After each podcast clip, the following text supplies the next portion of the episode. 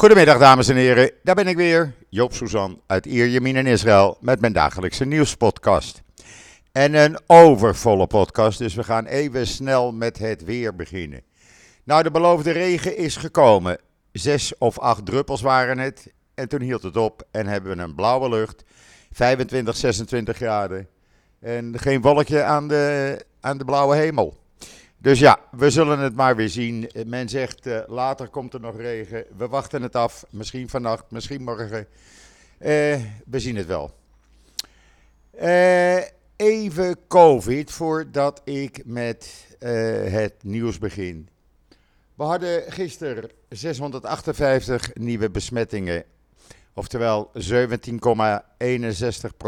van de 3736 mensen die werden getest bleken positief met COVID besmet te zijn. Er liggen nu 108 mensen ernstig ziek in de ziekenhuizen, waarvan 31 kritiek en 29 van hen aangesloten aan beademing. In totaal zijn er 6.831 COVID-patiënten in Israël en is het dodental door COVID opgelopen naar 11.767. Ja, en dan even toch wel iets, uh, iets raars. Uh, en het stinkt. Het is een zaakje wat niet klopt. en het heeft allemaal te maken met jullie belastinggeld. Ik heb die vraag ook aan premier Rutte gesteld toen ik hem interviewde. ik heb het er al eerder over gehad. Er is een Palestijnse NGO in, 19, in 2018 opgericht met medeweten van mevrouw Kaag. En uh, die houdt zich bezig met allerlei uh, ja, zeg maar ontwikkelingen, et cetera. Daar gaat miljoenen naartoe.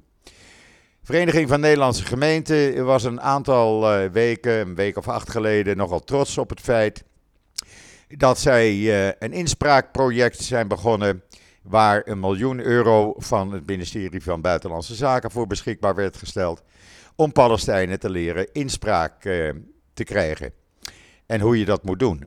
Nou moet ik erbij uh, opmerken dat uh, gemeenteraden zoals Nederland bestaan niet bij de Palestijnen, echt niet.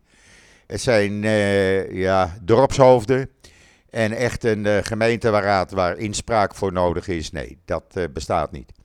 Dus dat stonk.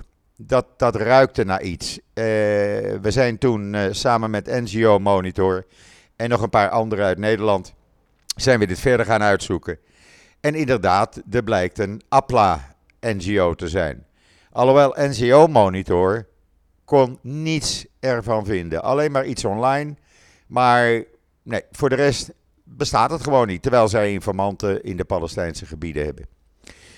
Uh, ik ben toen een aantal vragen gaan stellen, een tiental vragen aan Vereniging Nederlandse Gemeenten. Kreeg daar eerst geen antwoord op. Toen zei ik tegen ze: Oké, dan gaan we gewoon publiceren. De volgende dag kwam er meteen antwoord. Uh, daar had ik nog een paar vragen over. Uh, men uh, gaf toe dat er miljoenen van het ministerie van Buitenlandse Zaken beschikbaar worden gesteld om door de Verenigde, Vereniging van Nederlandse Gemeenten hun internationale afdeling in de Palestijnse gebieden te gaan besteden, te gaan uitgeven, aan NGO's te gaan geven en weet ik veel wat ze er allemaal mee doen. Dat werd bevestigd in een e-mail verleden week.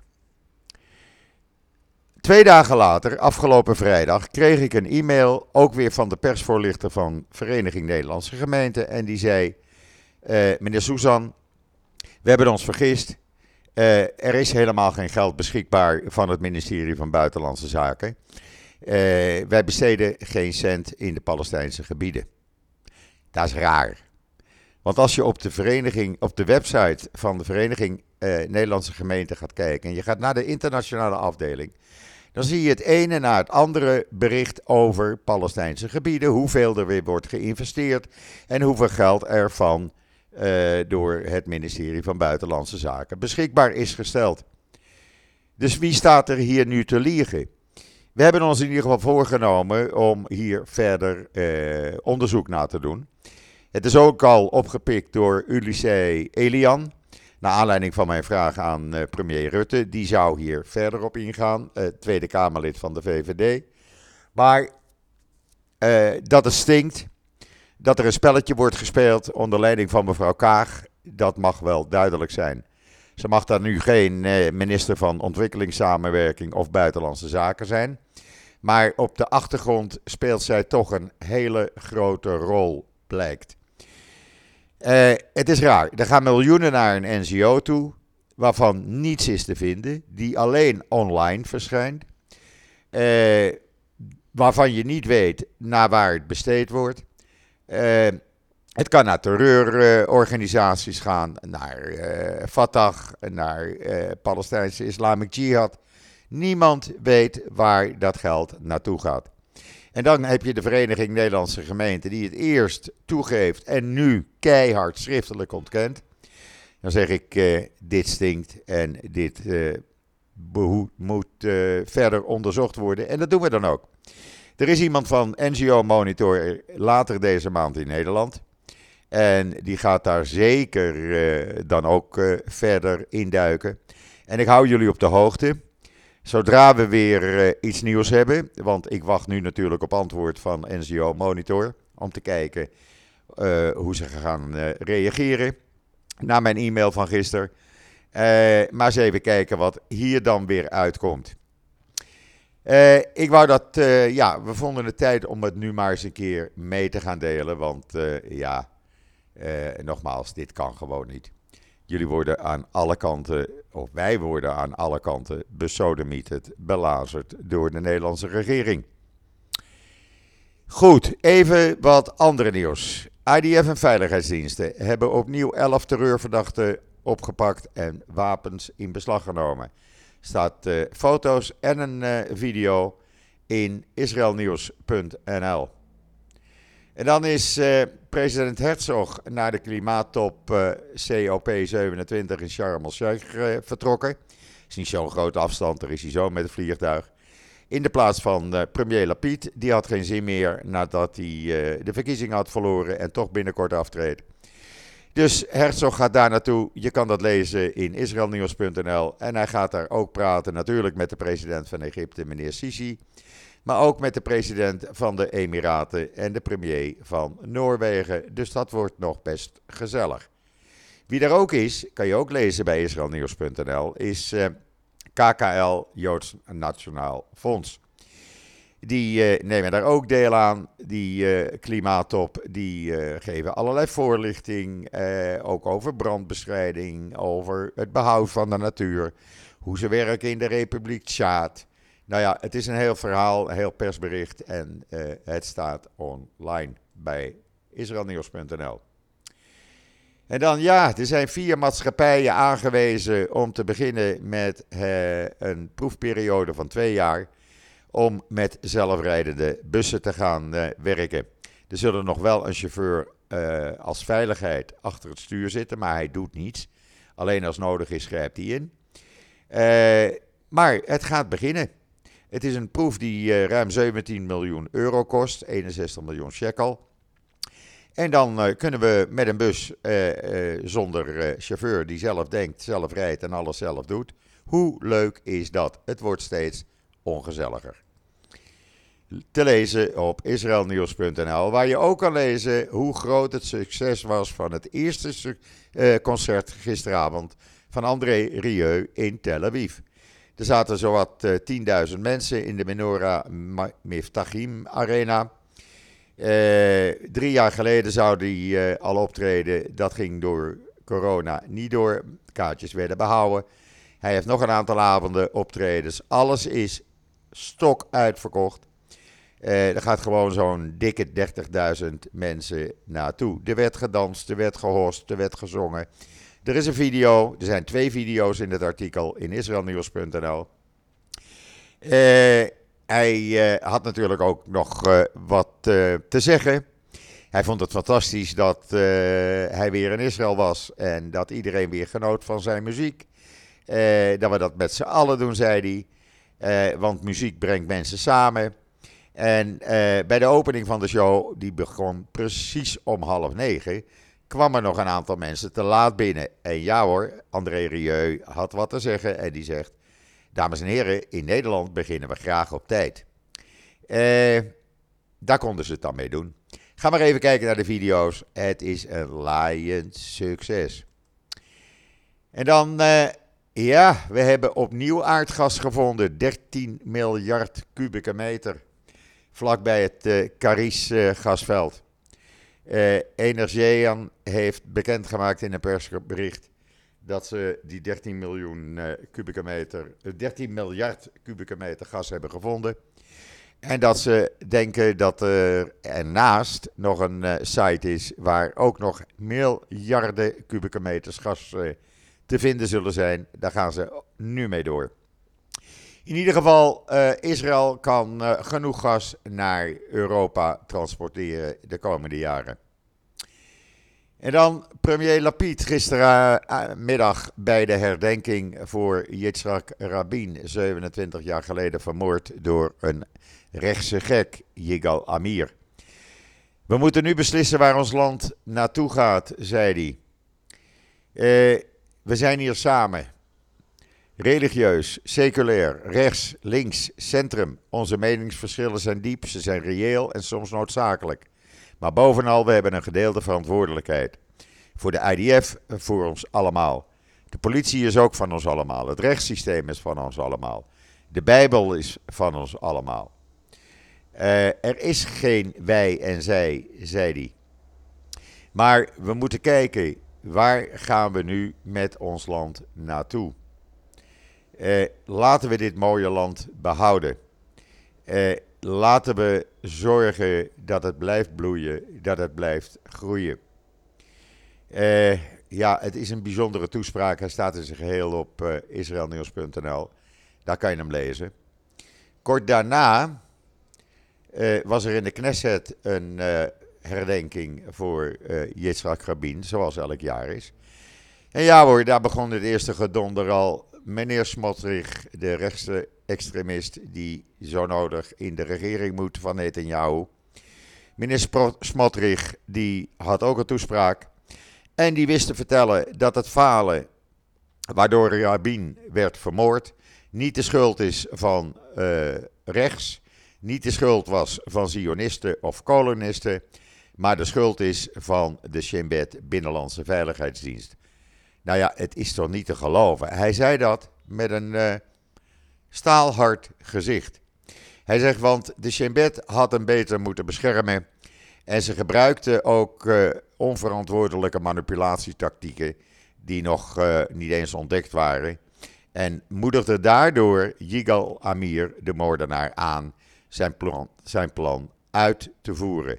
Dat zei meneer Smotrich. Gewoon keihard. De Binnenlandse Veiligheidsdienst, die enorm veel voor ons land doet, die dag en nacht ons beveiligt, die krijgt even de schuld van het vermoorden van Rabin. Het is toch niet te geloven. En dit soort mensen, die willen dan minister van Defensie worden of hij wil wel justitie hebben. Nou, nou, nou, nou, nou. Uh, ik heb er geen woorden voor. Echt ik heb er geen woorden voor. Als je trouwens wil weten eh, wat ons staat te wachten, lees dan even de column van mijn broertje Simon. Simon Suzan, hij staat online sinds eh, eh, 12 uur onze tijd, 11 uur jullie tijd. Dan weet je in ieder geval welke kant we opgaan. In ieder geval, hij werd, uh, werd onderbroken, maar hij bleef maar doorgaan om de Shinbet te beschuldigen. Eh, dat is gewoon aantasting van uh, ja, de democratie, laten we het zo maar uh, noemen. Uh, de taal die hij gebruikte, de woorden die hij gebruikte, de opruiing die hij gebruikte. om de Shinbet als een gemene moordenaar aan te merken, ja, dat doe je niet. Sorry. Shinbet-directeur, voormalig Shinbet-directeur Avi Dichter, die was woest en die zegt: Dit is smaad van een omvang jegens een organisatie die nog nooit eerder is voorgekomen. Uh, hij, zegt, uh, hij zei erbij dat de Shin zich er niet goed van bewust is van het feit dat het er niet is ingeslaagd de toenmalige premier Rabin beter te beveiligen. Maar ze hebben alles gedaan wat op dat moment mogelijk was. Uh, toen kwam Netanyahu nog even. En die probeerde dan die woorden wat, wat af te zwakken. Maar hij werd weer onderbroken door uh, uh, door uh, Smotrich. Want die zei: Mijn vrienden in Israël, de kolonisten van Judea en Samaria, verontschuldig je niet. Want dat, daar is geen reden voor. Nou, sorry, ik heb hier geen woorden voor. Even daarvoor had Benny Gans gezegd hoe die naar de klaagmuur ging voor de verkiezingen om te gaan bidden. En dat hij exact dezelfde kreten toen naar zijn hoofd kreeg geslingerd. Er werd dan toegeschreeuwd dat hij een moordenaar was. Uh, dat hij uh, zorgt dat mensen vermoord worden. Ja, sorry, dat is op dit moment dus uh, het, het, ja, de mentaliteit die er in Israël bij sommigen zijn. En ik hou me hard vast uh, met dit soort mensen in de regering. Uh, Smotrich en Benkwier. Ja, sorry. Uh, ik ben het helemaal eens met Gans. Die zei: De persoon en de enige persoon die verantwoordelijk is voor de moord op Rabin. is de gemene moordenaar Yigal Amir. De mensen die verantwoordelijk zijn voor de ophitsing. en die een giftige atmosfeer hebben gecreëerd. zijn diegenen die nu proberen ministersposten te krijgen. Uh, ja, je krijgt een uh, klimaat hier uh, wat er echt niet vrolijker op gaat worden, mensen. En dat blijkt ook al uit een artikel in de Engelstalige Wynet trouwens. Waarin Israëlische kolonisten zeggen: ja, onze verwachtingen met een regering Netanyahu die zijn wel erg hoog. Want deze regering is beter voor de kolonisten dan voor de Arabieren. Ja, uh, zij denken namelijk dat ze al hun uh, eisen nu uh, ja, er doorheen krijgen. Dat ze gewoon overal settlements kunnen neerzetten. onder de vorige, de laatste regeringen van Netanyahu kon dat niet. Die hield zich toen nog aan de Amerikanen. En dat ze maar hun gang kunnen gaan, denken die kolonisten. Uh, want ja, er zitten tenslotte mensen van ons uh, in de regering. Nou is er nog geen regering. jou moet maar eerst zien of hij een regering kan samenstellen. Maar uh, ja, dat, dat maakt hun niets meer uit. Ze gaan ervan uit, de kolonisten, dat er nu alles gedaan kan worden wat ze willen. Lees het in de Engelstalige Waarnet. Ben trouwens, die zou uh, later vandaag met Netanyahu gaan spreken. Dat zal dan de eerste keer zijn dat Ben en Netanyahu samen worden gezien. Of er foto's komen, ik durf het niet te zeggen. Maar ik ben de eerste om ze te tonen. Uh, die wil naast uh, binnenlandse veiligheid en politie, wil hij ook onderwijs hebben. Want hij wil er op de seculiere scholen verplicht meer Joods onderwijs gaan geven. Nou, dat is nou precies wat uh, seculiere uh, scholen niet willen.